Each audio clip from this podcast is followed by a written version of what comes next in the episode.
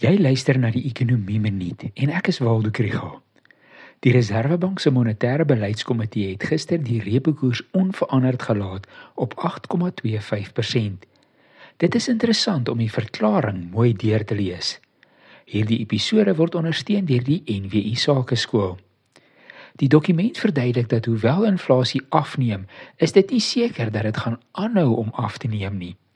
Die inflasiekoers word hoog gehou deur kerninflasie wat nie val nie en deur die hoë olieprys. Die Reserwebank sien so 'n bietjie meer lewe in die ekonomie as wat baie van ons dink. Hulle beklemtoon dat besteding deur ondernemings, huishoudings en die owerheid is steeds positief in reële terme. Ook kredietverlening aan ondernemings en huishoudings het toegeneem in reële terme in vergelyking met verlede jaar.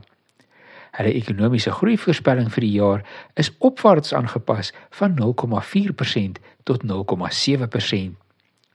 Hulle dink daar is 'n klein positiewe uitsetgaping wat bietjie druk op pryse plaas. Maar die drywers van inflasie bly aan die aanbodkant en verhoog die brandstofprys en voedselpryse.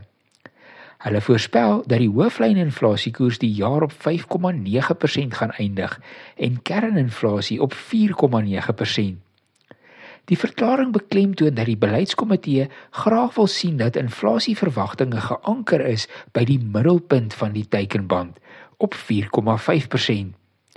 Die laer inflasieverwagtinge op 6,1% is dus nog te hoog. Hulle gevolgtrekking is dat die inkrimpende beleid wat nou gevolg word, pas by die inflasievooruitsigte en verwagtinge. Twee van die lede van die komitee was eintlik ten gunste van 'n 25 basispunte verhoging. Persoonlik is ek maar bly hulle is uitgestem.